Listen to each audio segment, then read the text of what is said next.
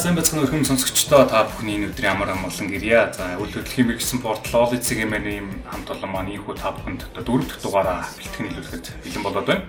За тэгээд ерөнхийдөө өнөөдрийн дугаараараа бид нэр а юу ярих юм бэ гэх юм бол агентийн зах зээлийн талаар өнөөдөр бол та бүхэндээ бас хүргэе гэж бодсон юм.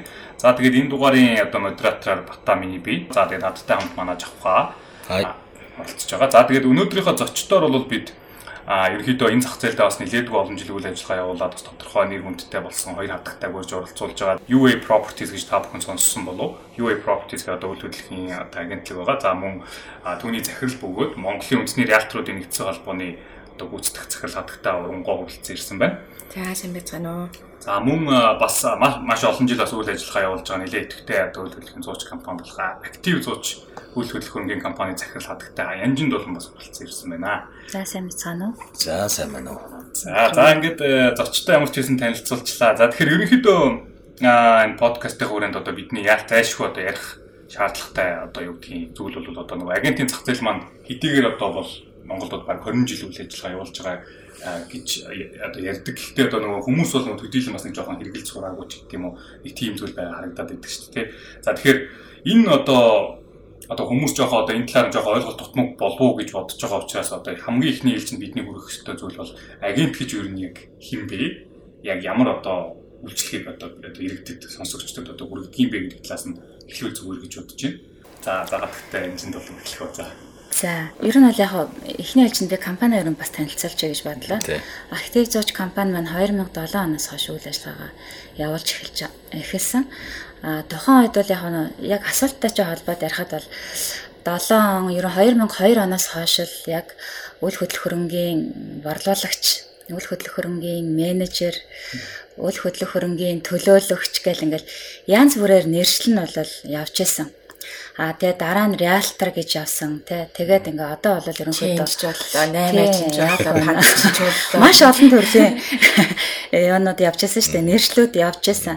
А тэгээ 2015 оноос хойш бол ерөнхийдөө агент гэдэг нэрээр бас нэлээд хүмүүст танигдаад ирчихсэн байж байгаа тий. Тэгэхээр ер нь яг зүгээр цэвэр нэршлэр нь манай Монголын зах зээл дээр бид нар шууд агент гэж оруулж ирэхэд та бүхэн мэдж байгаа ахна дээр үед одоо эн чинь бол хуучирсан хэллэг болчихж байгаа. Агент гэдэг маань уул нь бол яг нөгөө нэршил нь өөрөө хамгийн одоо худалдааны хамгийн баг цэг одоо тухайн үед нөгөө агентаас бид нар гурил будаа авлаа энэ төр гэж ярьдаг байсан шүү дээ тий. Тэгэхээр яг тийм нэршлэр монголчуудад ерөнхийдөө илүү ойлголттой одоо 60 70 тэгээд 60-аас 70-аас татгаш ааны хүмүүс бол агент гэдгийг яг тэр утгаар нь л ерөнхийдөө ойлгодог. Учираас шууд агент гэж гарч ирэхэд бол хүмүүст бас нэг ойлгомжтой биш.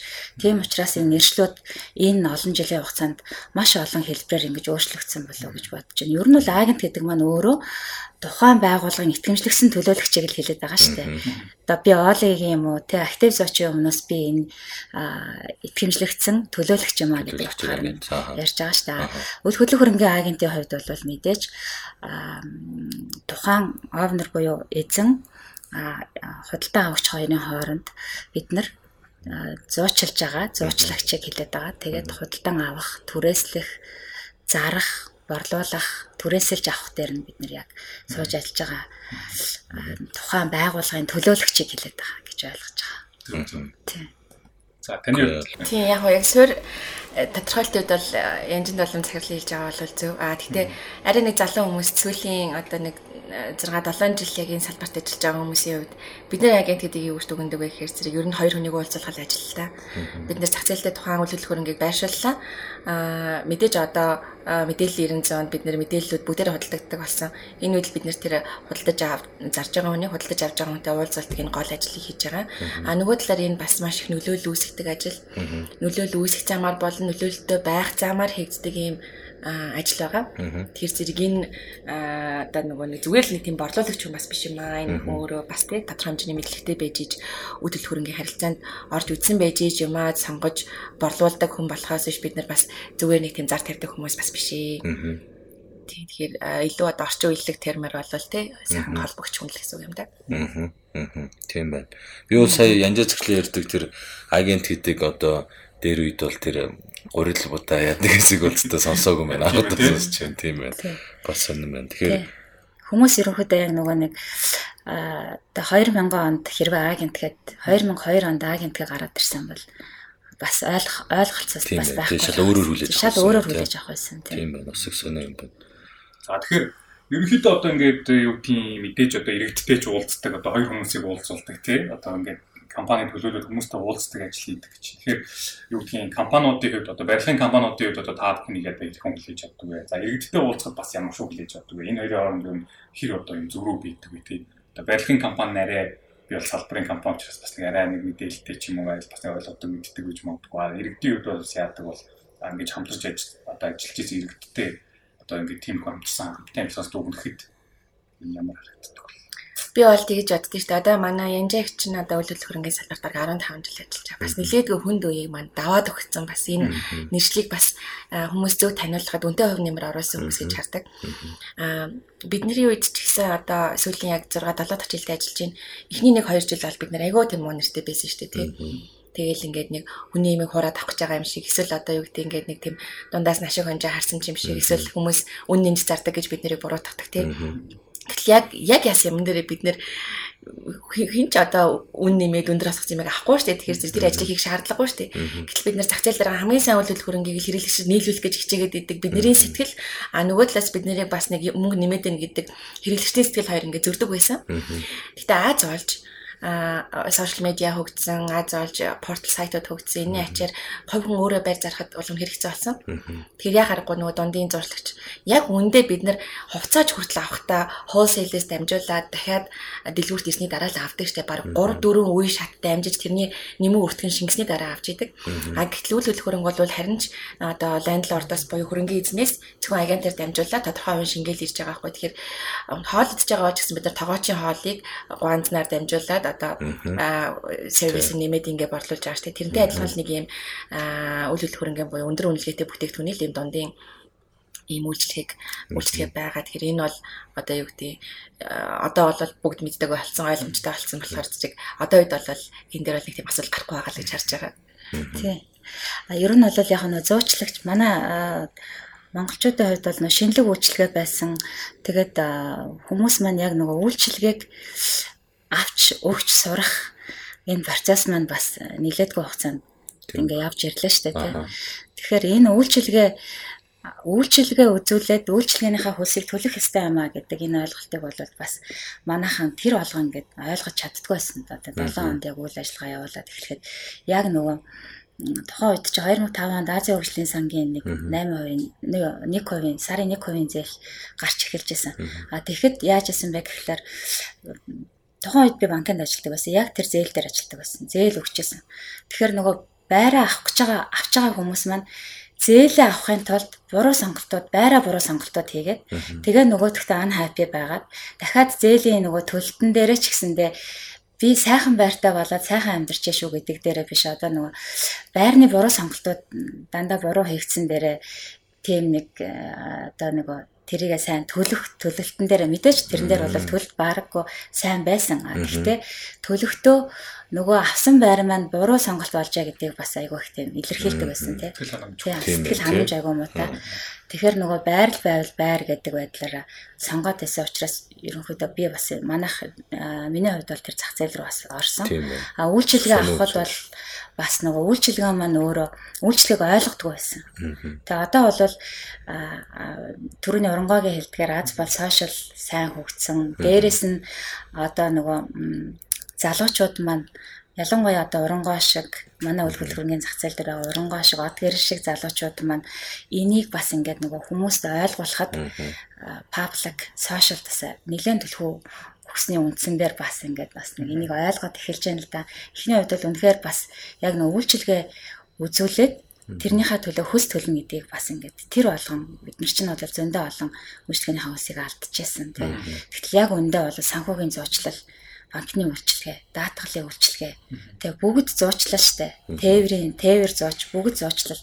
Тэгтэл энэ хоёр байр энэ байрыг зарахад бидний хүч хөдөлмөр яаж орж байгаа вэ гэдгийг ойлгохгүйгээр энэ зүгээр л дунд нь энэ байрыг ингээд ченжлээ зараад ингээл мөнгөний авчиж чана гэдэг ойлголтод айгүй хөөс. Одоо бол бас тэгээ ченжлэх гэсэн зүгээр шүү дээ. Ченжлэх бол одоо энэ өгнөл иймэрхүү сонсогдоод байгаа боловч Америкт бүр хамгийн алдартай бизнес чинь brokerage бизнес байдаг тий. Одоо дэлхийн бүх санхүүгийн байгууллага down brokerage хүний имийг хүнд борлуулж дундаас нь мөнгө ашигтай ажиллаж тий. Энэ бол тийм нэг буруу тийм change manage гэдэг яриад тах юм бол биш л дээ. Тэр энийг бас одоо орчин үеийн хэллэгээр бол би үйл хөдлөхөрөнгийн хөрөнгө оруулагч энэ гэж аягүй айтайгаар орчуулад байгаа. Ченжийг уул нь бол зөв гаргаж ирсэн бол ченж гэдэг үг чинь өөрөө бүх юм дээр ченж хийж байгаа шүү дээ тий. Тэ одоо нөгөө валютын ченж те бусад санхүүгийн ченжүүд ч гэсэн хийгдчихэд те. Тэгтэл нөгөө анханасаа тухайн зах зээл дээр Монголын зах зээл дээр гаргаж ирэхдээ change гэдэг үг маань ерөөсөө маш буруу гарын хүмүүс л энэ бизнесийг хийдэг юм шиг л болгоод гараад ирсэн учраас одоо change гэхээр л цухтаадаг болол ингээд нэршлийн хувьд бол ингээд нэг жоо онцгой болчиход байгаа шүү дээ. Тийм байна, тийм байна. Би бас зүгээр нэг хувьдаа нэг юм бодол хийдэн л дээ. Ер нь яг хөө ингээд янда зэгслийн актив зууш компани бол сүүлийн 15 жил үйл ажиллагаа явуулж байгаа тий. А гэхдээ ер нь зүгээр миний харж байгаагаар за нэг сүүлийн 5 юм уу за 5 6 жил одоо энэ эйжентийн тогтолцоо илүү эрчимтэй аюулгүй хурцтай хөгжөөд явж байгаа. Тэгээд тэрийнхээ дагуу одоо арт иргэд одоо хүмүүст илүү хүлээж авдаг, ойлгохдаг болоод байгаа.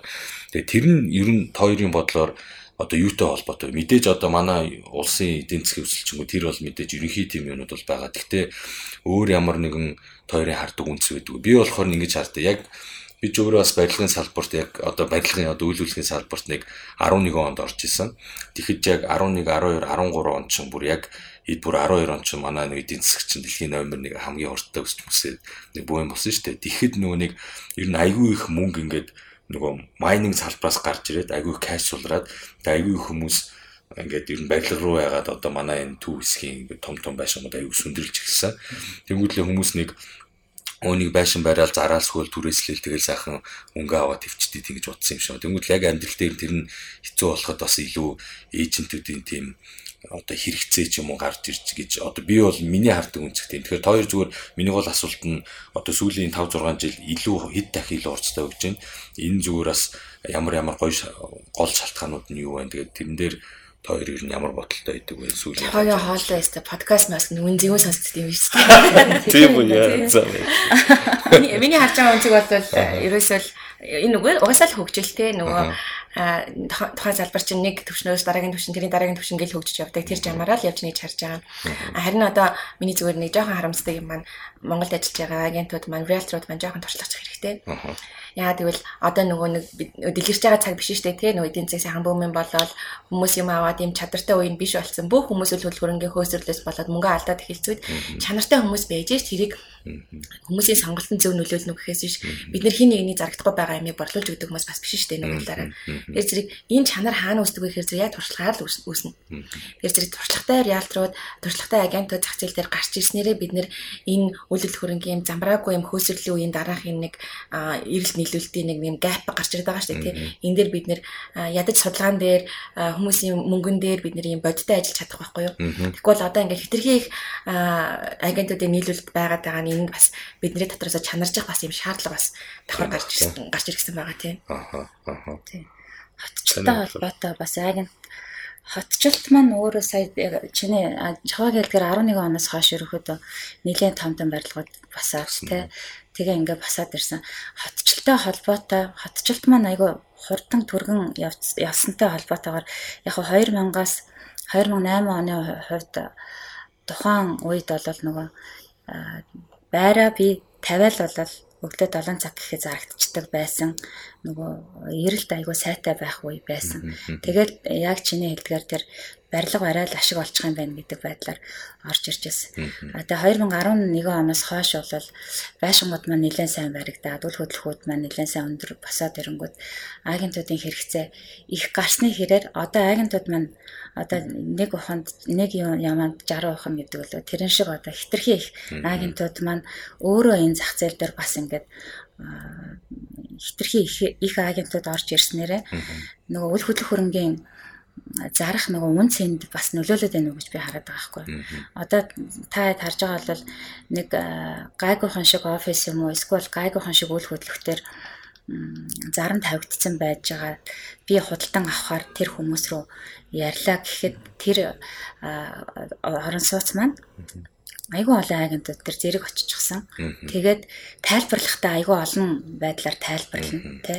Тэгэнгүүт нөгөө худалдан авагч ч өөрөө энэ э, хөрөнгө маань энэ олон худалдан одоо агентууд дээр очсон учраас үйл хөдлөх хөрөнгийн энэ үйл хөдлөх хөрөнгө эсвэл зарагддгүй юм байна эсвэл муу юм байна. Тийм учраас энэ олон компаниуд руу олон агентууд руу тараагаад тавьсан байна гэдэг ойлголт бас нөгөө худалдан авахчид шууд үүсэж эхэлж байгаа байхгүй. Тэгэхээр нөгөө үн цэн дээр ч гэсэндээ энэ бас.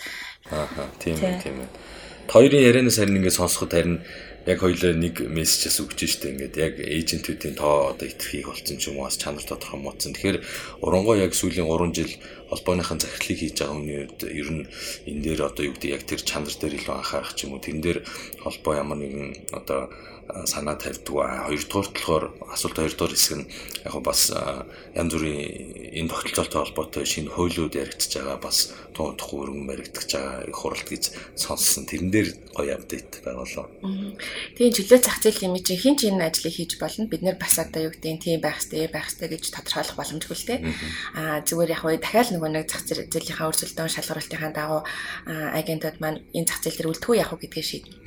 За би өөрөө нөгөө хүний нөөцийн компани ажилуулдаг болохоор бас нэг зүйлийг хараад байгаа. Тэрний гэхээр одоо жоохон юм ажил олдохгүй, ажил хайгаал явж байгаа л ажил олдохгүй болохоор бол нэг үйлдэл хөрөнгө агент болчих сонирхолтой хүмүүс их болсон байлээ. Тэгээд энэ дээр бас жоохон эмзгэлдэг. Ягаад гэвэл ер нь үйлдэл хөрөнгөний борлуулагч байх өөрөө тийм дундаж наслт хийж байгаа байхгүй. Тэр нэг 3 жил За нэг за баг 3 жил хүрхгүй дээ 2 жил хугацаатай л байдیں۔ Хэрвээ тэгэд 2 3 жилээ давцсан тийм хүн байх юм бол тэр туршлагатай юу ихэ мэддэг болсон байгаа байхгүй. Тэгэхээр холбооны зүгээс бол энэ тоо баримтны хувьд одоо тийм бодлого ч юм уу баримтлалын зарчим бол байхгүй. Гэхдээ бидний холбооны ерөөсөө үндсэн зорилго бол бид нэр илүү тооноос илүү чанарт анхаарч байгаа. Ягаад тэгэхээр хүн чинь ингээл угаасаа туршлагатай болоод тэгэхээр зүгээр хүн өтлөгтэй хүртэл нэг чанарыг чухалчилдаг болчтой шүү дээ. Энэ утгаараа холбоон дээр байгаа риэлторууд агентуудыг илүү одоо чанартай туршлагатай хүмүүсээ илүү төлхөө гаргаж ирэхтэй тэднийгээ төлхөө сургалтаар дэмжих гэдэг юм байна та. За мэдээж дэлхийн нийтийн олон улсын стандарт энэ төргээл зөндөл юм гарч ирж байгаа. Чухал байх л да. Гэхдээ өнөөдөр бас Монгол маань яг үйл хөрөнгөний зах зээлийн хувьд одоо бас тийм амар дэлхийн хэмжээнд өрсөлд хүч болсон уу юу гэдгийг бас их бодох хэрэгтэй.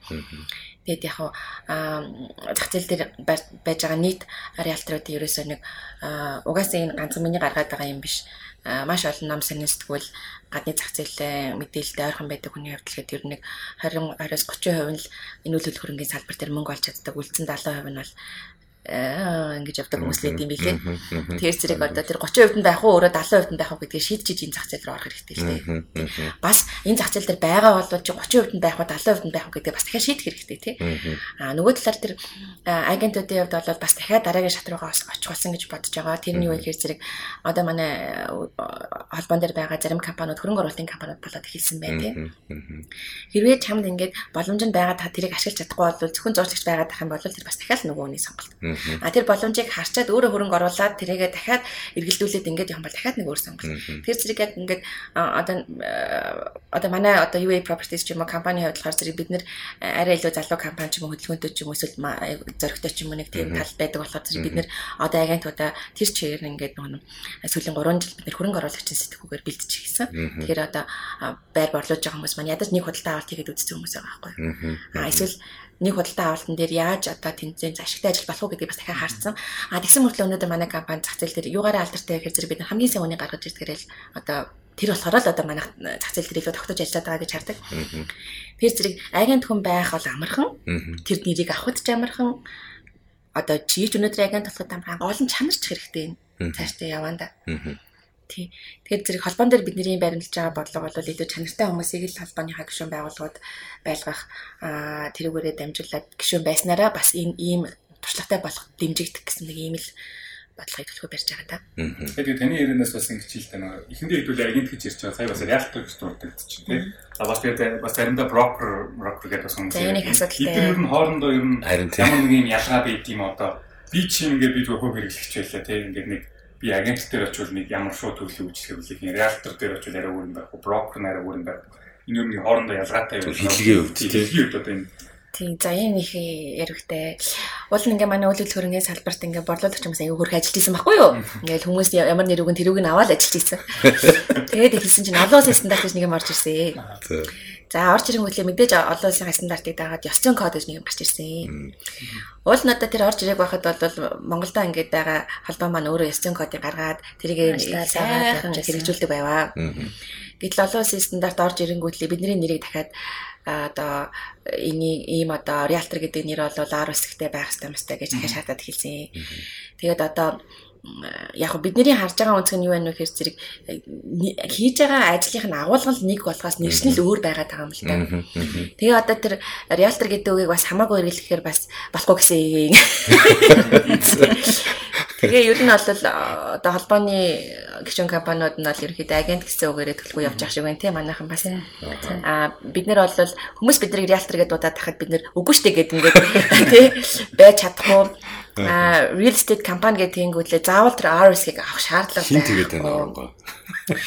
За одоо нэр цохоод хэлчихээрээс юу юм да тий. За чи мэдчихэл байгаа шүү дээ. Ер нь зарчмын үг ялгаагүй юм шүү дээ. Гол нь хэрэг сонсогчтой дуулах нь тий. Тэгэхээр манай сонсогчдоос гайхдаг л ах гэж бодлоо л дээ. Гэхдээ энд бол ямар ч ялгаа байхгүй. Жишээлбэл бид нар яг нийгмийн сүлжээнд л амьдарч байгаа. Нийгэм тарай худалж байна, хулгайч байна, ухаантай байна, улсын хурлын гишүүн байна, амбицтай байна, амбицгүй байна, өвчтэй байна, өвчгүй байна. Ингэж л нийгэм гэдэг юм чинь бүрддэг шүү дээ. Үйлдэл хөрөнгөний салбар дээр ч гэсэн олон улсын стандарт нь байхгүй нь байна, байдаг нь байна, нэртэй нь байна, нэргүүн байна. Ингээл явж л байгаа зах зээл. А гол нь эндээ бид нар юу хийх хэрэгтэй вэ гэхээр нэгдсэн тийм бодлогоор дамжуулаад энэ стандартыг Монголын төвшин тогтоох хэрэгтэй тий.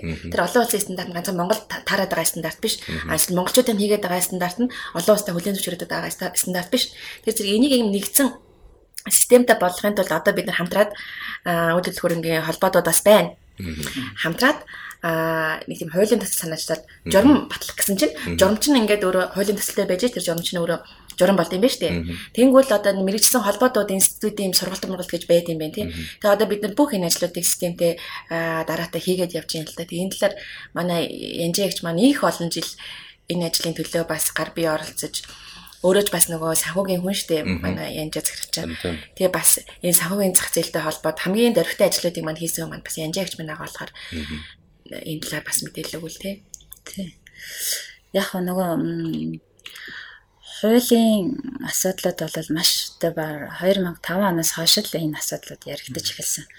Тэгээ одоо хууль эрх зүйн орчин байх, байна уу, байхгүй юу гэл яг үндэ бол бид нар хуультай хуульгүй үйл хөдлөх хөрөнгийн компаниуд бол ажиллаад явж байна. Юугаад авч байгаа вэ гэхээр нөгөө иргэний хуулиад байгаа. Иргэний хууль үйл хөдлөх хөрөнгийн холбоотой хуулиуд маань олон хуулиуд дээр ингээд суучихсан ингээд явж байгаа тий. Тэгээ энэ маань нэгдсэн байдлаар одоо тэр нөгөө үйл хөдлөх хөрөнгийн зуучлалын хууль ч юм уу ийм байдлаар нэршлэр байхгүй л болохоос биш олон хуулиудад ингээд бас яг тэр хуулийн дагуу тусагдаад ингээд явж байгаа штэ тий а энийг нэгдсэн байдлаар болгоё гэдэг ингээд явж байгаа. Яг үндэ бол а төрийн хүмүүс байна, холбооны бусад хүмүүс байна, барилгынхан байна, иргэд байна. Энэ хуулийн талаар бол сайн ойлгохгүй энэ байх нь хэрэгтэй юм уу, хэрэггүй юм уу гэл ингээд маргаал явж байсан.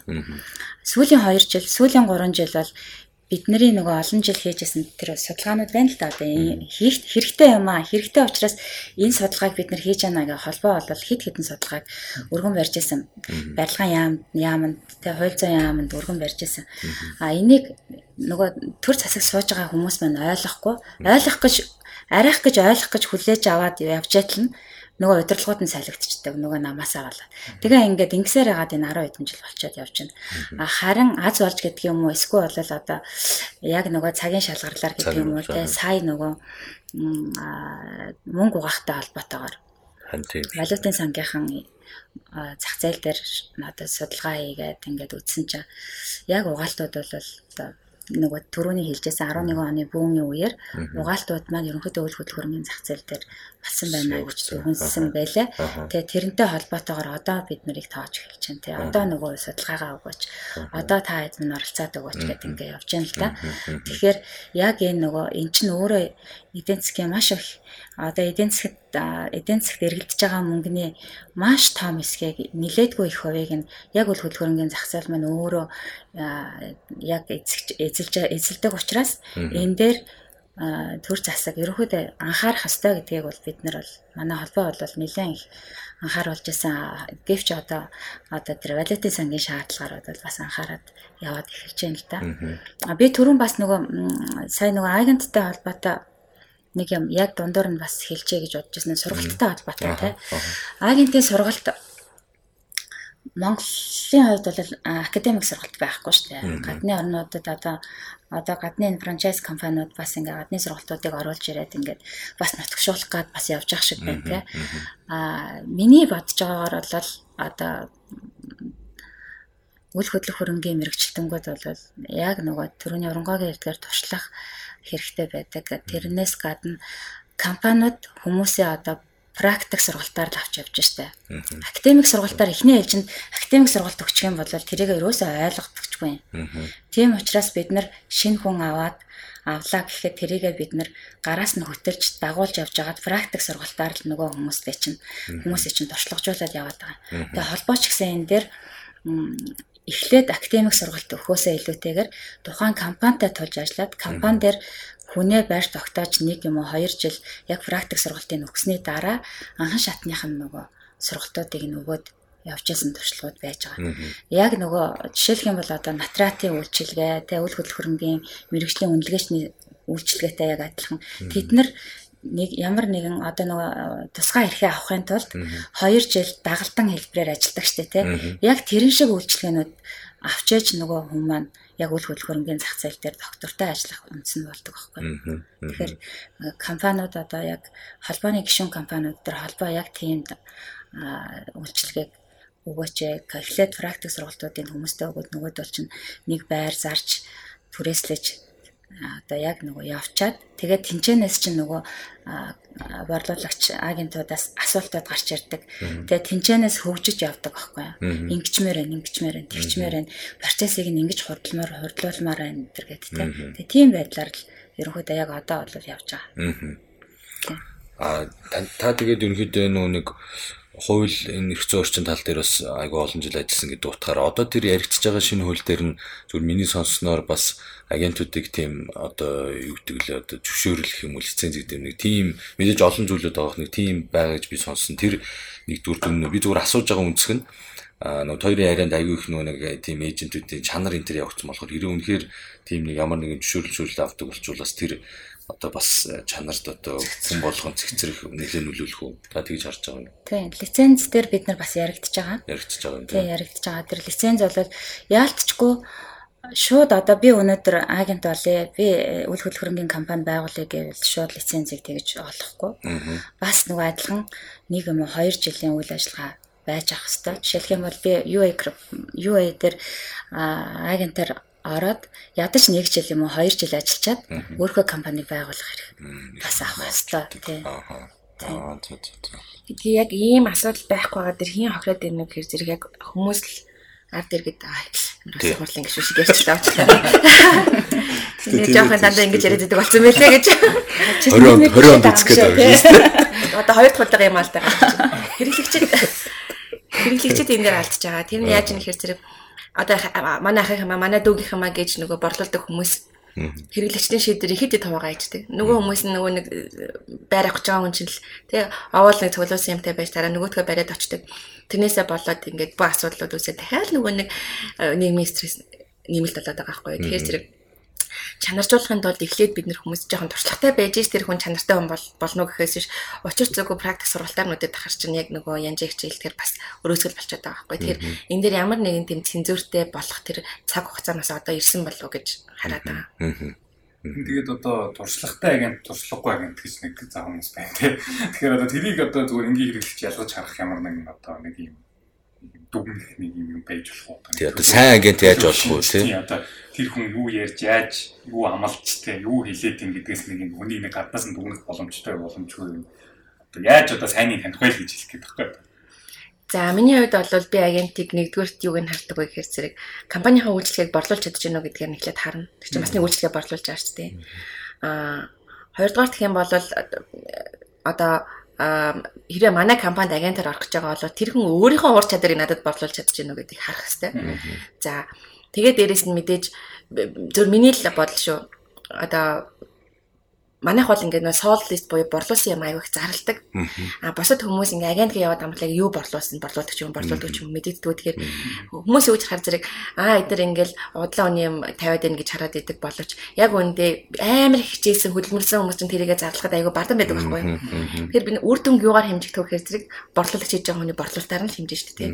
Тэгэхээр зэрэг тийм борлуулалтын туршлагатай ингээд яг нэг борлуулсан юм а зарч чаддаг, зарлж чаддаг, эсвэл хийлж чаддаг, эсвэл хүнд ойлгуулж ядаж чаддаг тийм хүмүүс стил би илүү бий л байсан бол сонгоно. Аа тэрнээс одоо би дэнжи мянгаас ч юм уу нэгдүгээр харуултад 2 өрөө байраа 3 дахь харуулт 3 өрөө байруулахад бас одоо олон улсын стандарт надад хэрэгтэй юу те. Аа ойлголоо. Илүү бас Заасан хэлбэрүүд түүхийн түүхийн тэгээ бас хувийн талаас нь те. Тийм бас байж болох. Тийм мэдээж. Таны хувьд нэмэх зүйл байна. А яг хоо энэ дээр бас нэмээд хэлэхэд хэрэглэгч талаас худалдан авахчийн зүгээс би ингээд байраа хайж байгаа бол миний хүлээлтээс илүү мэдээллийг өгч чаддаг. Чадж гэнэ үгүй те жишээлх юм бол худалдан авахч нэг судалгаа хийдэг штэ амьдралдаа нэг 2-оос 3 удаа үл хөдлөх хөрөнгө авдаг өгдөг те авдаг гэд. Тэгэхээр үл хөдлөх хөрөнгөний борлуулагч нар маань энэ ажлыг ч одоо өдөр болгон хийж штэ те өдөр болгон хийж байна тэгээ энэ дээрээс алдаа оноог нь мэдчихэв түрүүн би нөгөө хэлжсэн яг худалдан авахч нар маань яг сонголт хийхдээ яг өөрт нь хэрэгтэй юу үгүй юу гэдгийг сонгож авч чаддгүй гэдэг тэ. Тэгэхээр тэр хүнд бид нар буруу сонголт хийх гэж байвал тэрийг нь залруулах хэрэгтэй байдаг. Манайхан нөгөө уул хөдлөх хөрөнгө авахтаа авах гэж эрэхтэй байршил байршил байршил учраас хотын төвдөө байршил одоо аммаар байна гэд ингээд ороод ирдэг штэ тий. Цаа цаашаа үн цэнтэй учраас би хотын төвд байр аммаар байна. Тэгтэл тухайн хүнтэй ярилцаад эхлэхээр тэр хүн маань хотын төвд байр авах ямар шаардлагагүй. Нөгөө хам гэр бүлийнхэн гişүүдийнхэн байр байдлыг нь харахаар А цэгээс Б цэг рүү явдаг. Одоо өдөр болгон гэрээсээ ажил эсвэл ажлаасаа сургууль хүртэл явдаг гişүүд нь хинэн айгүйх өдөрт хэдэн удаа аагаас Б цэг рүү явж яана гэдгийг ингээ хартал тэр хүүхдийн сургууль нь хотын төвд биш өөр газар байх юм бол хүүхдийн сургуулийнхаа хажууд авчиж тэр чинь нөгөө дараа нь тэр үн цэн нь байршлах нь үн цэн нь гарч ирэх хэвээр. Тэгтэл би дараа нь энэ байр чи үн цэнтэй байх хэвээр гэд өөрөөсөө одоо эсвэл бол энэ маш гоё байр гэсэн хүмүүс энэ байр байрыг маш гоё байр гэсэн учраас энэ байрыг авчигээд дараагийнхаа үн цэнийг мэдэхгүйгээр ингээд сонголт хийх гэдэг. А эсвэл бол нөгөө өөрийнхөө хэрэглэнээс давсан байрыг авчаад дараа нь зовж амьдрах гэдэг тийм. Тэгэхээр энэн дээр нь илүү ингээд өөрийнх нь тийм зөвлөж чадж гэнэ одоо миний оож хараагүй. Би энэ сайн байр сайн байна гэдгийг харж харж идэл нөгөө хүмүүс маань миний хүлээлтээс авсан зөвлөгөөг өгч чадчихъя л одоо а эн чин нэг юм мэдээд байна да гэсэн. Бас нэг ингэж харж байна. Үйлчлэл хөрөнгөний компаниуд чинь агент төвтэй бүтээгдэхүүн төвтэй гэх юм хоёр янз харагдаад багш байгаа. Энийг би зөв өөрөө зохиосон шүү. А агент төвтэй нь болохоор зэрэг илүү агентийн тоогоор одоо явдаг тий зөвхөн одоо их үйл хөдлөл хөрөнгөтэй агентийн тоогоор явж идэг. А туршлагатай хүмүүс илүү бүтээгдэхүүн талд хараад идэм болов гэж харсан. Би юу борлуулах вэ? Би юу борлуулж чаддаг вэ гэдгийг мэдсэн болохоор зэрэг одоо манай компани дээр жишээлбэл ингээд 100 үйл хөдлөл хөрөнгө орж ичээд бидний 3-аас 4-ийн л ингээд сонгож чадчихээн л да. Ягаад гэвэл бусд нь ингээд бидний туршлагаар зарагдахгүй ч юм уу эсвэл одоо юу гэдэг хугацаанд болоогүй ч юм уу эсвэл одоо юу гэдэг нөхцөл тохиронд бүрдээгүй ч юм уу ингээд ямар нэг байдлаар ингээд тэрийг бид нэг амар сайн шалгаруулж чаддаг болсон маань ингээд туршлага байгаа. Тэгэхээр яг юуг борлуулж байгаа хүмүүс одоо компаниудын бүх зар нь ойлгомжтой байгаа шүү дээ. Ямар компани дээр вебсайт нь ороод үзэхэд л юу юу борлуулсан тодорхойгаа. Тэр зэрэг яг тэрийг аягүй сайн анзаарах хэрэгтэй. Нэг нь л та өөрийнхөө үнэтэй цайтай хөрөнгө ээж аваасаа өвлүүлсэн байна. Өөрийнхөө хэдэн жил зовж мөнгө олж худалдаж авч байгаа үйл хөдлөл хөрөнгөө та зах зээл дээр байршуулах гэж байгаа бол хамгийн туршлагатай хүмүүсийг сонгох юм бол та ядаж хугацаа алдахгүй шүү дээ. Энэ чинь ерөөсө хүмүүс нь үйлдэл хөрөнгийг мөнгөлөж хайдаг болохоос яг үндэ тэр хадгаламжийн хүү тухайн одоо үнийн дүнтэй эцэг хадгаламжийн хөөг мэддэг хүмүүсийн одоо туршлагатай хүмүүсийн өнцөр харах юм бол энэ чинь дандаа хугацааны асуудал байгаа байхгүй хадгалтай. Тэгээ энийг ингээ мэддэг болсон хүмүүс нь ямар хүмүүс байна гэхээр зэрэг илүү бүтээгдэхүүн төгөө бүтээгдэхүүнээ харж чаддаг. Тэгээ за энийг би зааж чадах уу борлуулж чадахгүй гэдгийг харж чаддаг. Тэрийгэн дээр бас selection хийж чаддаг. Аа одоо дэмий юмнуудыг бас үгүй гэж хэлж чаддаг тийм ээ. Одоо тэгээд бас нэг юм байдаг ч одоо нөгөө хүмүүс нөгөө нэг юм заах за одоо яг нэг аав ээж юу хэлсэн ч юм за тийм нэг юм нэг лагийн байшин гач юм зарах бол л тийм. За тэгээд би би өөрөө өөрийнхөө жишээс нэг чи лагийн байшин зарах гэдэг. Би лагийн байшин зарах гэдэг амар удаа. За лагийн байшин аваад лагийн байшин аваад. Айгу удаад ингэж чадхад байгаад байгаа юм. Би магадгүй өмнөх нэг хоёр дахь жилийн подкаст нэр хэлт иржсэн санагдчихэв. Тэгээд нөгөө чадаагүй л байгаа тийм сонсогч та гэж. Тэгээ яг нөгөө зүгээр энэ дээр нөгөө нийтлэг надад зүгээр нэг ажиллагдсан юу гэхээр би ерөөсөө юугаа яаж хитээр үнэлэх юм гэсэн мэдэхгүй байхгүй тий. Тэгэл нөгөө байшин хитээр үнэлэх юм гэл өөрөө ингээл харж байгаа л нэг өөр зарууд харж байгаа нэг ижилттэй байшин уу харж байгаа. За энэ энэ юм чинь энэ миний хэвтэй юм байна.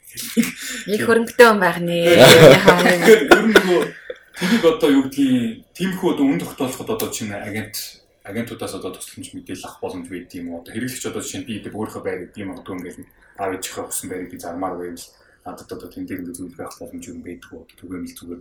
Мэдээж одоо яг одоо нөгөө сая одоо оронгоо зөксөн яснаар бол цаад тийм гой гой төслүүдийг ингээд шалгаруулад авч юм гэж зүгээр яг одоо манай сонсогчдод бас өчигдөр нэг байдлын компанитай нь үйл бол гэж бодож байна. Зүгээр иргэн одоо байраа тийм яг үзэхэд бол чинь тийм боломж байт юм болоо одоо байлгүй ах уу. Гэтэ үйл хөдлөх хөрөнгө гэж онцлог нь хөдөлж өгдөг үү? Үйл хөдөлдөг. Тийм тэгэхээр зэрэг тухайн агент нөөрэө очиод харах хэрэгтэй. Заавалжгүй харж үнэлэх хийн. За туршлагатай хүмүүсийн нэг амар нь бид нэр заавалжгүй мэрэгжлийн үнэлгээний компанид илүү мөнгөлөд авахгүй ерөнхий одоо баримжаагаараа тухайн орчинд ажиллаж исэн нэг 5 10 гүйл хийж үтсэн байж л чи үнэлгээ хийж байгаа шүү дээ. Тэр туршлагаараа үнэлгээ чинь. А мэрэгжлийн үнэлгээний компани аваачаад ирэхээр нөгөө айгүй олон юм яриад нөгөө үнэлгээ чинь бүр шаал өөр болоод эхэлдэг. Одоо жишээлбэл би Монгол улсын маань бас энэ үнэлгээний юу зарчмыг яаж яваад байдаг хэрэгс ойлгодгүй л дээ. Банкн дээр очихоор өндөр зарах болохоор хямдхан болчиход идэг. Тэгэнгүүтлээ эзнийх нь үнэлгээ дахиад өөр байгаад идэг. А дээрс нь эзэн бас дахиад нөгөө төр дээр үн шингээгээд юм нэмээд хийждэг. Тэгэхээр зэрэг үнэлгээ гаргахад дахиад туршлагатай хүмүүс юм баримжаа маягаар гаргаж ийн л та өнөөдрийн байдлаар. Тийм, дээрээс нь нөгөө олон жил үйл ажиллагаа явуулаад ирэхээр нөө дата базууд үүсээд байгаа шүү дээ тий. Тэгэхээр хэдэн онд яаж энэ байр зарагдчихсэн. Тэгээд саяхан яаж зарагдсан ч гэдэг юм уу тий. Тийм байдлаар өрнөхөдөө үнэлгээнд дээр манай компани хувьд ч гэсэндээ заашгүй очиж үздэг. Заашгүй очиж үзэн орчны судалгааг нь хийн. Тэгээд ойр хавьтан байр зарагдсан юм уу үгүй юу тий. Тий ямар үнээр яаж зарагдсан. Тэгээд үнэлгээг бол гаргаж чийж нөгөө хүнтэйгээ дийл одоо тий хийгдэн. Төрөний уранга би чиний хэлсэн дээр тэр банктай холбоотой асуудал дээр бас яг захтансан газар маччлаа. Биш үү би юу. Тийм банкныхны хувьд бол бас нөгөө уул нь бол банкны яг нөгөө барьцаа хөрөнгө үнэлэх юм уу эсвэл тэрэн дээр чинь 3 дахь читгээ дээр үнэлүүлнэ гэж байдаг. Гэтэл банкныхан бас нөгөө монгол хүний бие чадна бүрөөсө бүх юмыг бүгднийг өөрсдөө хийн гэсэн яг тэр үзлээрээ ерөөсөө яг л нөгөө дотроосоо үнэлгээчнээ гаргаад үнэлгээ чинь нөгөө өөрийнхөө эрх ашигын төлөө банкныхаа эрх ашигын төлөө үнэлгээ хийгээл эсвэл бол хүний хөрөнгийг хит өндөр үнэлдэг эсвэл бол хит доогоор үнэлээд нөгөө хүн маань авах ёстой зээлээ авч чадахгүй ингээ хохироод явж байгаа байдал байдаг. Тэгтэл одоо бусад орнуудын жишгээс харахад банкных нь дандаа real estate компаниудтай хамтардаг. Тэднэрээр үнэлгээ хийлэгдэг. Үнэлгээ хийлгээд барьцааг нь авдаг. Барьцаа хөрөнгө нь зээл нь ямар нэг байдлаар доголдоод барьцаа хөрөнгөндөө хүрэх болох юм бол эргүүлээд үнэлсэн агент одоо real estate компанида өгч заруулдаг. Эсвэл тэр нь шууд худалдаж авдаг нөхцөлтэй. Ингээд эргэлт чинь айгүй хурдан. Тэгтэл банкуд дээр одоо өхмөл барьцаанд байгаа хөрөнгөө 40 байна. Тэргээ ч гэсэн одоо ингээл стил заруулахгүй байгаа. Банкныхаа одоо энийг бас сонсч байв те. Үлгэл хөрөнгөний компаниудтайгаа ингээд айгүй хамтарч ажиллаа. Тэр тэр нөгөө эрсдэлтэй зээлийн багцаа буулгаач ээ. Ажилласан чи айгүй хэцүү мөлий. Нилийн олон банкудтай уулзсан л та тэр үлгэл хөрөнгүүд дээр. Тэгээ нөгөө банк чинь банкны мөнгө чинь нөгөө дандаа цаг хугацаагаар өсч хүүмүү тооцогтой явж идэг. Тэгээд дээрэс нь бас нөгөө нэг зээл гаргах одоо нөгөө нөхцлүүдийг банк хангаад өгч байгаа даваа талтай боловч үнэлгээний хувьд банкнаас авахд бол нэлийн үнэтэй идэм билээ. Үйлдэл хөрөнгүүд. Аа түрүүн би яг юу л гэж байгаа мартсан бэ гэхээр одоо хүмүүс нөө түрүүн хийсэн чинь ингээд зармаар үзэж байгаад ерөнхийдөө багцаа ингээд авдаг мавдаг гэх тий. Энд чинь бас аяга өрөөсгөл. Туршлагатай хүмүүсийн дахиад даваа тал нь юу гэхээр бид нар яг тухайн байр зарагдах үед хідэр гэрээ хийж ийн гэдэг тэр нэг баяр гарын үсгэж зурсан хөдлөж бодлох гэрээний үнийн дүн харж байдаг байхгүй. А тэрнээс хүн болгон ерөнхийдөө нэг энэ зах зээлийн үнэндээ дандаа өндөр тавьж идэг. Тэгээ бас нэг одоо хүн хөдлөж авахад нэг ярих хэвээр шүү дээ тий. Очиод тэр хүний нэг бас нэг сэтгэлийг нэг ярьж өгч тайвшруулах хэрэгтэй шүү дээ тий. Тэр үнийн дүн бас яг бодит үнийн дүн биш байхгүй юу. Тэр зэрэг а одоо над руу юм уу ярьж ирсэн манай компанид холбогдож ирсэн хүмүүс бол мэдэх бах тий. А одоо би дандаа тэгж л тий. Үний үнэтэй цайтай хөрөнгийг одоо үзэж харахгүйгээр үнэлээд яах вэ? Би нуцаар ерөөсөө огт үнэлгээ хийдгүү. Ажил үзээгүй л байрах юм бол тэгэхээр зэрэг одоо яг үнэлгээгээ хийхдээ ер нь үйл хөл хөрөнгө чинь зарагдах зарагдахгүй магадлал нь ерөөсөө л үнэлгээ авахгүй. Тэгэхээр зэрэг туршлагатай хүмүүстэй уулзаал байраа үзүүлэх хэрэгтэй. Тэгээд туршлагатай хүмүүсийн үгийг сонсох хэрэгтэй. Аа тэгээд тэр чинь зах зээлээр тавигдах юм бол зарагдана гэсэн. Аа тухайн агент юу гэж бодох вэ гэхээр зэрэг тэр үйл хөл хөрөнгийг зарахгүй л гэж бодох юм бол тэр хүн тэгж цагаа өрөхгүй шүү дээ тийш очиж. Тэгэхээр зэрэг яг энэ дээр л бидний нөгөө нэг нандин холбоос үүсэх хэрэгтэй байхгүй юу? Аа. Тийм ээ. Үзүүлэх хэрэгтэй. Ер нь бол үзүүлж ээж л яг жинхэнэ үнэлгээ тогтно. Одоо зарим хүмүүс тэгдэг байхгүй. Энэ яг зах зээл дээр ийм үнэтэй байна. Яг манай хажуудлаа эсвэл доотлоо зарсан байна. Тэгэхээр би тэдээр зармаар байна. Яг очтол нөгөө байрын ашиглалт нь ямар байж байна те. Цонхны байрлалын яаж байна. Тэгэл ингээл бид нар чинь нөгөө очиж харж ээж л үнэлгээд одоо чи одоо ингэж байгаа юм чинь айгүй олон жил ажиллачаад энийг нэг ингэж хэлчихээ штэ үнэлгээг нь заавал ингэ шаардлагагүй гэл ингээл хүмүүс чи айгүй дайрдаг байхгүй. Тэгээ үйл хөдлөх хөрөнгө чи өнөөдөр ингээд бидний хувьд ингээд амьдрах байр төд ярагдаад байгаа боловч эн чинь нөгөө нэг том үнийн дүнтэй арилжааны хэрэгсэл болсон байхгүй бас. Ингээл нөгөө нэг үнийн дүнд л ингээл явж идэг. Тэгэхээр нөгөө үйл хөдлөх хөрөнгөний зурчлалын одоо brokerage real estate хийж байгаа хүмүүс явд юу харагдаж байна гэхээр бид нар дахиад нэг тийм сонирхолтой зах зээл гараад ирсэн. Тийм тэгэхээр яг энэ үнийн дүн шилжилт процесс нь бартер мартер гэж энэ яваад байгаа процесс дээр үнийн дүн үйлдэл хөрөнгөний үн маш их савлж байгаа. Тэр энийг бас хэрэглэгч маань ойлгох хэрэгтэй. Зарим манай хамтарч ажилладаг хүмүүс маань уралдгийллийн байрны үн унахлаа мунахлаа гэж тэгдэг. Гэтэл одоо тэр бартерт өгсөн байрыг нь авсан компани бас эргэлтэнд оруулах хэрэгтэй ягаад гэвэл тэр чинь бэлэн мөнгө бэлэн бус гүйлгээ хийж байгаа болохоор зэрэг тий. Тэгээ дунд нь бид тэднийг жоох муу хэлвэл тий. Гэтэ яг энэ байдал ирээдүйд сайжрах байхаа гэж итгэж байгаа.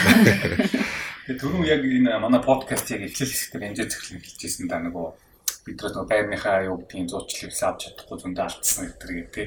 Тэр одоо ер нь яа гэм бэ? Энэ одоо ямар учраас яагаад ингэж одоо алдах нөхцөл байдал үүсгээд одоо яа. Энд одоо ингээд юу гэдгийг хэрэглэгч нь өөрөө яагаад гэдэм үү барилгын компани яагаад гэдэм үү ямар учиртай хаана мөнгө нь алдагдаад гэдэг юм бол юм юм яагаад сайжрах боломж байгаа юу? Одоо одоо ямар байгаа вэ? Тийштэй энэ ч бүр дайнд дайнд ажилтанд байгаа юм шиг л бид нар чи ажиллаж байгаа шүү дээ. Ер нь бол яг энэ дээр нөгөө э, хэрэглэгч нэг талаас хэрэглэгчийн э, хэрэглэгч маань маш олон э, агентуудтай зэрэг хандаад тэгээд агентуудын дунд бас ингээд тоглолт хийчихдэг байхгүй. Сэргэлэн хэрэглэгч нар мөн тий надад нэг хэлээд оронгоод нэг хэлээл тэгэл тийм бид нар донд мэдгүй өнгөрч байгаа зөндөө байдаг шүү. Дундаас нь тэгэл ингээл янз бүрийн дунд нь алцуулж алцуулж байгаа л өөрөө за би энэ чанаас нэг хүн олчлоо гэл ингээл хайчдаг тий. Тэгэхээр ерөнхийдөө яг эхлээд бол маш их алддаг байсан. Одоо бол бас нэг үе бодох юм бол ялангуяа нөгөө залуучууд одоо нөгөө гадаадад сурч ажиллаж ирээд энэ ч сууж байгаа одоо амьдарч байгаа залуучууд маань одоо хэрэглэгч нар маань бас нилээдгүй их болцсон. Тэд нар маань бас тэнцэнэ үйлчлүүлээд үйлчлэгнийхээ хөлсийг төлөх ёстой гэсэн тэр одоо үйлчлэгийг ойлгож авч хүлээж авснараа бас нөгөө ингээд арай жоохон э, эерэг болгоод байна л да. А хүлээж авч чадахгүй байгаа хүмүүс их байна их байна. Тэгэхээр энэ дээр бид нар яалтчгүй нэгдэж нийлж яжид энэ ойлголтыг эерэг болгохын төлөө бас ажиллаж л байна. Тийм.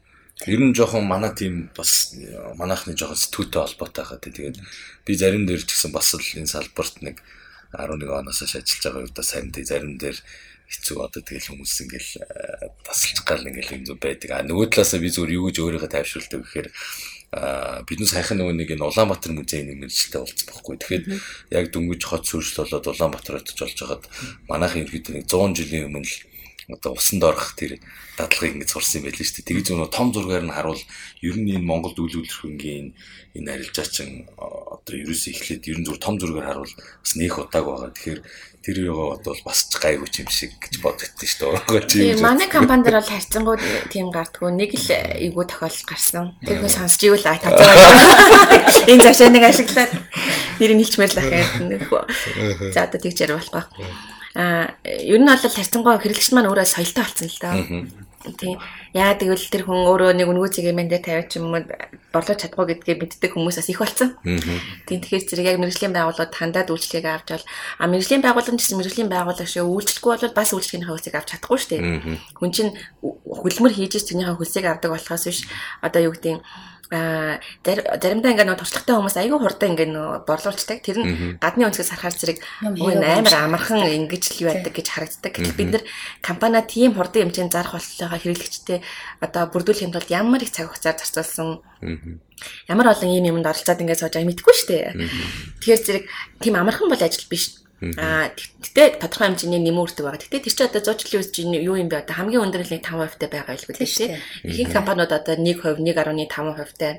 Маш одоо боломжийн юм байхгүй. Боломжийн үнэлгээ авахгүй тухайн тэр том үйл хөрөнгөийг тэр их үнийн дүн нэг одоо одоо авчирч өгөх тэр борлуулалтыг хийж байгаа тохиолдол. Тэр зэрэг хэрэглэгч маань соёлтой болсон байна.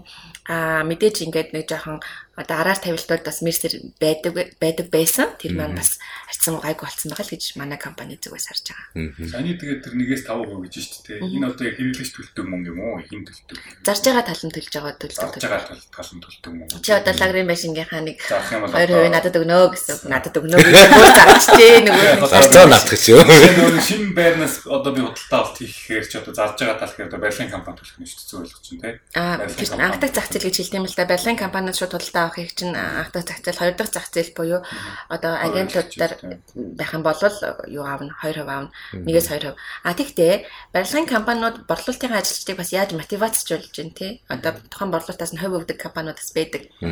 А тэр тохиолдолд ер нь тэгэл агент чинь ерөөсөө мэдээлэл дамжуулснараа л мөнгө авчаа. Тэр мэдээлэлтэй ойрхон байх хэрэгтэй.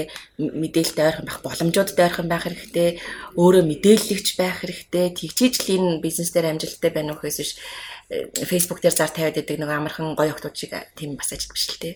Тийм хүмүүс харахтаа одоо ингээд яг хурдан зар тэгээд заримдаа бараа жоох удаж байгаа зармарч юм шиг санагдаад байдаг штэ. Ингээд хурдан зараад өгчгөр энэ юу ч хийхгүй ингээд тэгсээ хэрнээ ингээд нэг 2% хуваа ингээд тэгэнгүүтээ бараг хурдан зарахаар хуваа багсгачаач удаан зарахаар бас хуваа багсгачаач гэл ингээл яг зарагдах болоод ирэхээр ингээл авширдаг байхгүй.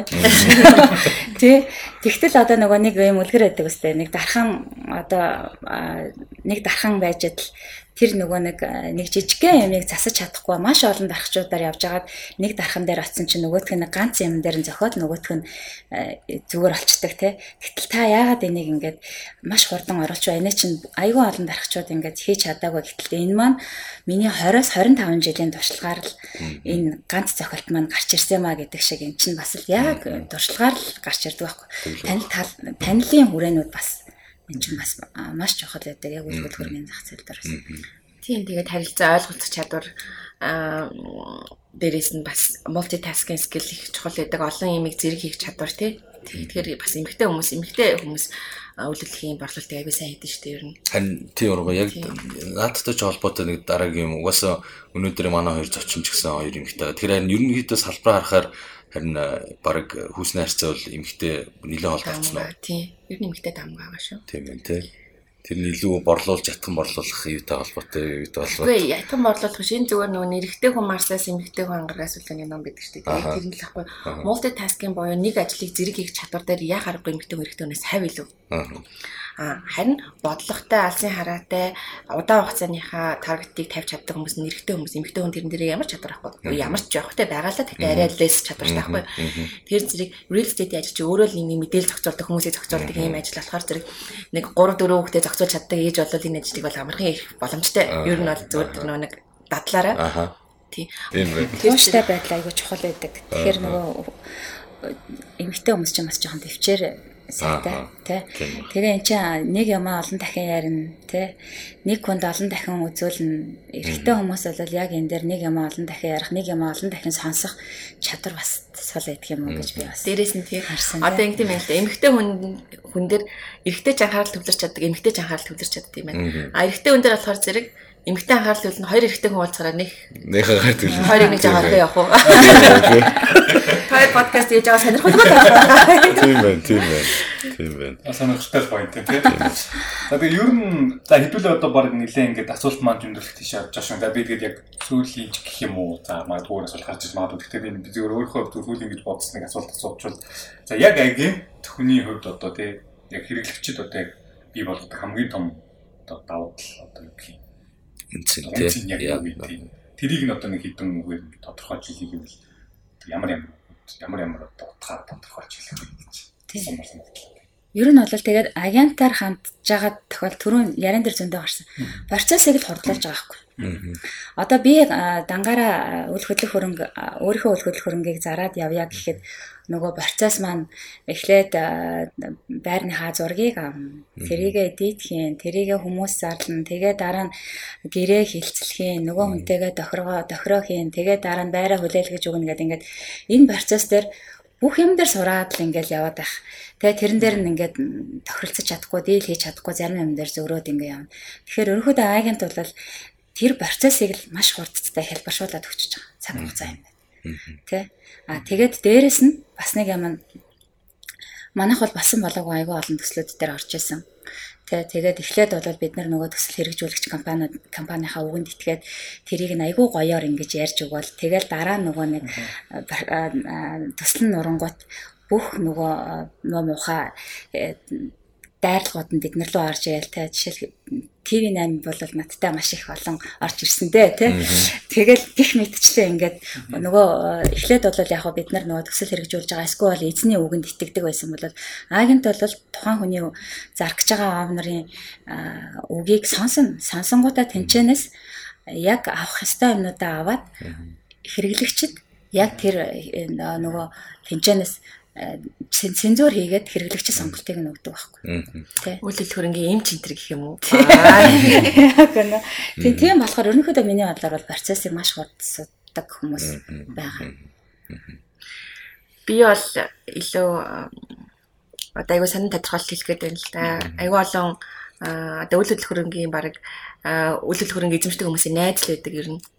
Тэг ягаад тэгэхээр зэрэг одоо ингээд сүүлийн 6 7 жил үйлдэл хөрөнгө борлуулаад явж авах хугацаанд бол юу анзаарсан бэ гэхээр их л олон хүмүүстэй найзалж их л олон хүмүүсийн хүрээлэлд орж төрөл бүрийн хүмүүстэй л ингээд ажиллаад эхэлдэг. Тэгээд ерөнхийдөө одоо ер нь хөрөнгөтэй хүмүүс чинь нэгдэж штэ. Хөрөнгөө яаж өсгөх үү, яаж авсан бүх замналаа ингээд мэддэг тийм үйл хөдлөх нэг сайн хүнтэй байдаг байхгүй юу? Яг тэр хүн л болох хэрэгтэй. Нөгөө талаар чамааг үйл хөдлөх хөрөнгө борлуулж байгаа гэж мэдэхгүй бол хэн чамаас үйл хөдлөх хөдөлж байгаа юм. Өөрийнхөө үйл хөдлөх хөрөнгө борлуулж байгаа гэдгийг хүмүүст аягүй сайн хэлж явах хэрэгтэй. Аа ингээд сайхан нэг өдөр кофе гоогоо хойно суужсэн чинь гинт нэг найз чинь залгаал чамаар үйл хөдлөх хөрөнгө хизээж борлуул болохгүй. Тэр зэрэг өөрөө зах зээлээр аягүй сайн байрших хэрэгтэй. Аа нөгөө талаар а одоо жишээлбэл олон улсад тэгдэм байна л да ингээд хөрөнгөтэй хүмүүс тухайн одоо улс орныхоо мужийн хамгийн сайн real estate agentтэй найзалдаг. Тэгээд нөгөөт нь ингээд тухайн үйлдэл хөрөнгө нь яаж орж ирж байгаа, яаж гарч байгаа замлыг нь ингээд мэддэг бол мэдчихээр зэрэг тоон хамгийн сайн тусалж чаддаг. Тэр зэрэг яг энэ гол хийдэг ажил маань бид маш их олон хүмүүстэй найзалж нөхрөлж тэ тухайн хүнийхээ хөрөнгийг би мэдээж ингээд хоёлаа жахаатар найз болоод би жахагийн үйлдэл хөрөнгийг хамгийн сайнаар зарж өгөхийг хамгийн боломжит төлбөрийг л би хэлнэ шүү дээ. Тэр удаан хугацаанд хүмүүс олон үйлдэл хөрөнгөтэй болох тусмаа л тийм сайн найзтай байх хэрэгтэй. Нэг утгаараа ер нь надтай бүгд найзлах хэрэгтэй. Яг нэг тэргүүн гэдэг нь Америкч нь Ask Element гэдэг амар алтартай нөхөр гэдэг чинь тийм агуулгын бүл тэр. А тийм. Бүрэн супер мэрэгчлэр. Тэрээс үйлчлэгтэй холбоотой болгонгууд Ask Element гэдэг. Тийм. Тэгэл ерөөсөө бид нар ч гэсэн өөрснөө тэрэн дээр айгүй ухамсартай ажиллах хэрэгтэй л доо үнтэй найзлж хүлж байгаа бол зөв мэдээлэлээр нь хангах хэрэгтэй, үнэн зөвийг нь хэлдэг байх хэрэгтэй, худлаа реклам хийж үнийг унгадгүй байх ёстой. Хүний хөрөнгийг өөрийнхөө юм шиг хайрладаг ухамсартай байх хэрэгтэй. Ядаж мөнгөө тоолоод үзээд ингээд нэг юм үйлдэл хөрөнгө ард гарч үдцэн бэжэж хүнд үйлдэл хөрөнгө зөвлөнө гэхээс ш. Тэ бас тань шүү дээ. Тийм зүгээр л нэг худалдагч болол биш байхгүй. Одоо худалдагч нар байдаг штэ. Өнөөдөр би хоёрмаа худалдаж чадахгүй бол худалдагчаа болол өөр ажил хийждэг. Тэгтэл нэгэн тийм зах зээл рүү орсон бол бараг л нөгөө өв залгамжлаж өвөр удмаар нь л байран дээр нь зөвлөгөө өгөх хэрэгтэй болдог тий. Одоо ер нь бол нэг нэг одоо ингээ хэлэхэд хүрээлэн дандаа л танилын хүрээгээр л нэг нь хүүхдийнхаа байрыг эсвэл хүүхдтэй байр авч өгөх найзтай энэ төр гэл ингээл явал эхэлтгэлтэй. Тэр үндсэндээ юу юм бэ шүү дээ. За одоо худалдагч ч одоо нэг бараагаа зарах чинь одоо гол үзүүлэлт гол. Тэ. Тэгээд ингээд туршлагатай ингээд болоод эхлэхээр ингээд нэг ямиг ойлгох юм да бүх юм ингээд ерөөсө ялангуяа юм том үнийн дөө эргэлддэг дээрээс нь ингээд хүн амьдардаг орчин болооч тийм аюу тийм цаг хугацаа аюу чухал хагаад идэг үлдэл хөнгөдөр. Тэгэхээр зэрэг юм борлуулж үзэхээр л хүн яг ямар цаг хугацаанд яаж юм борлогддог гэдгийг ойлгочдаг. Одоо энийг ярихаар зэрэг амар тийм нэг шашин шүтлэгч юм уу нэг хин яриад амж сонсч магадгүй. Гэхдээ юмд очил тохиол гэж байдаг дээ тийм. Тэгэхээр зэрэг тийм нэг тийм тийм networking skill гэдэг юм чинь л хүнийг ер нь ямар хүн борлуулагч болох вэ гэдгийг харуулж тийм да. За тэгээд миний зүгээс бас э, нэг сүлийн асуулт ерөнхийдөө э, би зүгээрээс нэг юм бас нэг яг хоёр хэсэгтэй асуулт болоод байна л да. Эхний хэсэг нь болохоор ер нь бол одоо энэ Монгол манай улсад энэ нийт үйл хөдлөнгийн хийгдэж байгаа нийт одоо энэ юу гэдэг лээ. Энэ харилцааны одоо ихэнх нь бол одоо эйжент эйжент дээр явдггүй гэж бол би ойлгоод байгаа. Тэгэхээр ерөө тэр үнэн бол ер нь одоо энэ эйжентийн тогтолцоо илүү хүлэн зөвшөөрөгдөд илүү тусмаа энэ зах зээл нэлээд тэлхүү гэдэг асуултын нэгдүгээр юу. А хоёрдугаар энтэй холбоотойгоор ер нь ингээд та хоёрын салбарынхаа ирээдүйг ер нь яаж харж байгаа вэ? гэж нэг юм хоёр хэсэгтэй асуулт асуумаар байна. Бид яг энэ чиглэл дээр нэг өмнө яг энэ яг баттай судалгаа юу юм мэдгүй. Би зөв хүний амнаас юм нэлээд 2 3 удаа сонсч ирсэн нөгөө Монголд нийтийн үйлчлэлийн хүүлгээний одоо 90% нь бол хэрэглэгчээс хэрэглэж байгаа юм гэж бодчихийдэг. Одоо эсвэл барилгын компани хэрэглэж байгаа юм гэж бодчихийдэг. За агент бол одоогоо байдлаа нэг 10% хийж яа чи тийм тийм тоо байна сонсч ирсэн гэхдээ энэ нэг батлаад тоо Тийм үнэ үнэ ерөөхдөө гэхдээ бас энэ чинь жил ирэх тус мөсөд байгаа шүү. Аа нэг 3 жилийн өмнө 5 орчим хувь гэж хэлсэн бол өнгөрсөн жилийн харахад 15 орчим хувь басан бэлээ. Энэ бол өгсөн. Гэхдээ энэ дахиад зах зээл юм чинь байна штэ хүмүүс хоорондоо жарилж байгаа энэ бид нар чи тухайн хүн ямар үйл хөдлөхөрөнгө эзэмшиж гинэ гэдгээ бодох хэрэгтэй. Хэрвээ чи одоо ингээл 25 байшин барьчаал хуурай хингээс охин бол энэ угаасаа бүтэхгүй штэ. Тэгэхээр зэрэг хоёр дахь зах зээл дээр угаасаа борлуулалтын ажилчид бүр заавалжгүй хэрэгтэй. Дээрээс нь энэ салбарын хөгжил нь яагаад яаж яваад ирнэ гэхээр зэрэг одоо real estate агентууд өөрснөө ингээд real estate одоо борлуулдаг байжгаад яваа явандаа тэд нар бүр нөлөөлөгч Яагаад гэвэл хүмүүсийн хоорондын харилцаанаас амар олон юм сурж аваад тэрийгэ бусдад ингэж шеэр болж чаддаг тийм инфлюенсерүүд болж яваад байгаа байхгүй. Тэгэхээр зэрэг үнээр чин зоригтой хүн л тэрний төлөө явна гэхээс биш өнөө маргааш аргацаалж байгаа агентууд бол явахгүй. Тэгэхээр зэрэг энэ салбарын хөгжил бол угаасаа хизээж одоо зогсно хаагдсан ч юм уу байхгүй болно гэж байхгүй. А харин ч одоо манай энэ салбар дээр ажиллаж байгаа сайн сайн олон улсын франчайзингууд холбоодуудын ачаар энэ бүр ингээд зэгцрээд илүү тийм зөв шат руугаа явах болов гэж миний зүгээс харж байна. Аа. Энд зөвлөв. А ер нь бол энэ дээр бас хэлэхэд тийм жил ирэх тусам ерөнхийдөө нэмэгдэж байна. Энэ дээр яг нөгөө эхний худалдаа авалтаа ихэвчлэн эхний худалдаа авалтаа агентийн тусламжгүйгээр аваад одоо над дээр бол тийм хүмүүс бас нилээдгүй байна. Авчгаад тэгээ буруу сонголт хийсэн байдаг. Тэгээд нөгөө байрлалгаа хөрөнгө оруулалт нилээн хийсэн байдаг. Тэгэнгүүт буруу сонголт болжээ жил жил хагасны дараа 2 жилийн дараа хүрээгээд 3 жилийн дараа эргүүлээ зарах болчихж байгаа байхгүй тий. Тэгэхээр энэ энийгээ одоо би дахиад дараагийн сонголтоо зөв хийх юм бол агент тандах хэрэгтэй юм байна. Зөвлөгөө авах хэрэгтэй юм байна. Тэгжээж дараа дараагийнхаа одоо байрныхаа үн цэнийг нэмэгдүүлэх хэрэгтэй юм байна гэсэн ойлголтууд бол нэлээд газар авчихна. Тэгэхээр энэ маань цаашдаа бол энэ харьцаа бол нэмэгдэнэ. Аа мэдээж 100% агентаар юм уу эсвэл 100% гараас гарттай амжих худалдаа бол мэдээж мэдээж байх. Тийм. Одоо тэгээд энэ салбарыг хөгжүүлэх төлөөс ол эцгийн мэн ч гэсэн айгүй сайн ажиллаж байгаа гэж би хараад байгаа штэ. Одоо таны агентуудтай холбож өгч гинөө хувь хүмүүсийн хооронд холбож өгөөд юм харин. Юу мэдээж биднес бол яаж байгаа илүү яг нөгөө салбарын хөгжлийг харахаар угаасаа яг л тойр өнөдрийн хэлдгээр нөгөө мэрэгжлийн хүмүүсээс зөвлөгөө авч үйлчлэг авч ажиллах хэрэгтэй гэдгээр агентийн тогтолцоогоо л одоо тийм. Ер нь хилээ асуух. Амар ажиллаа. За одоо олигийн талаар гэлж.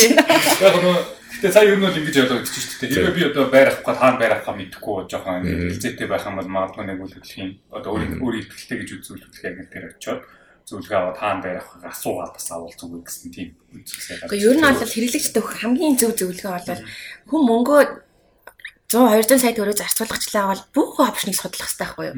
Agent байна уу, Oli байна уу, Remax байна уу, Active Zoch байна уу?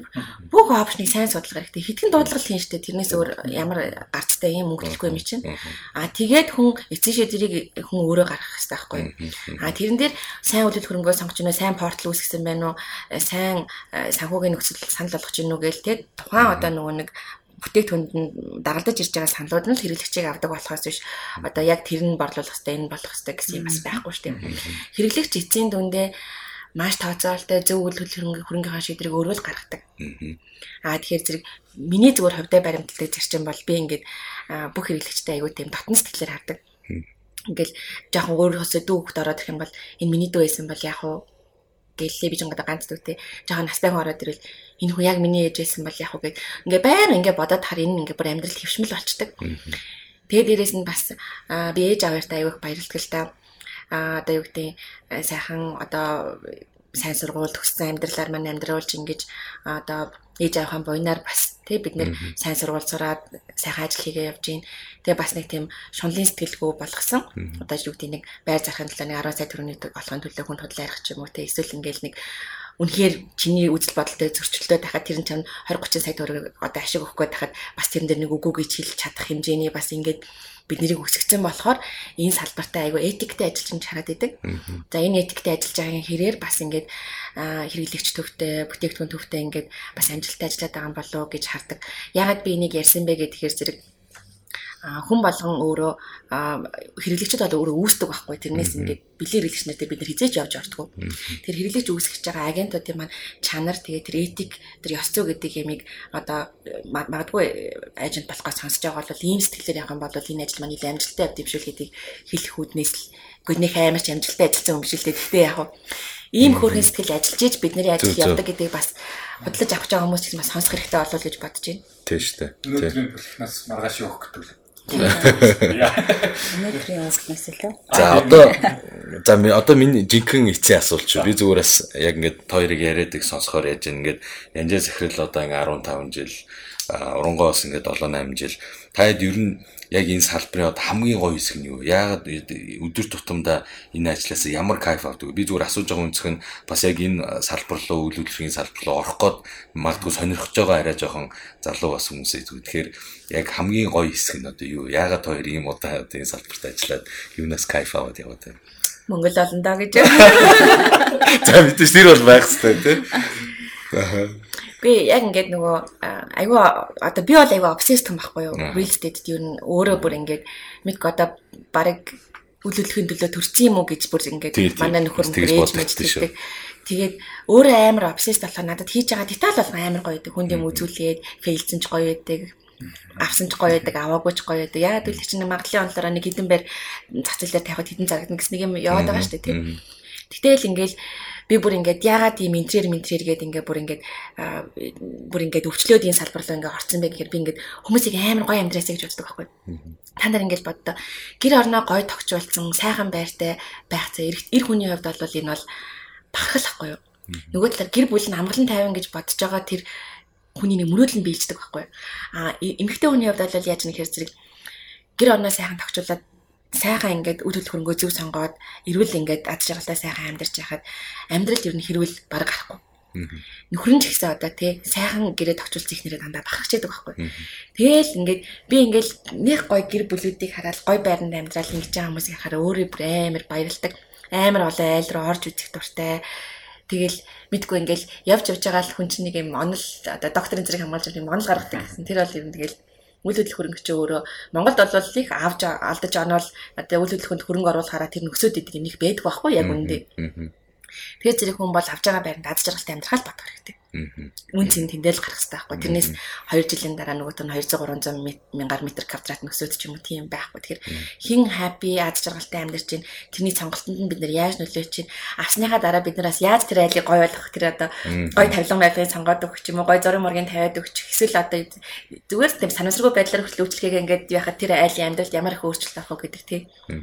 Мэдгүй одоо ингээд ярихаар зэрэг бүр айгүй гоё штэ тийм би дандаа байр авсан хүмүүстэй амар сайн найзууд болчдаг тийм. Тэр хэрэг мэдлэг мэдээлэл маань нэмэгдэж идэг хүний сайхныг бас ойлгож идэг.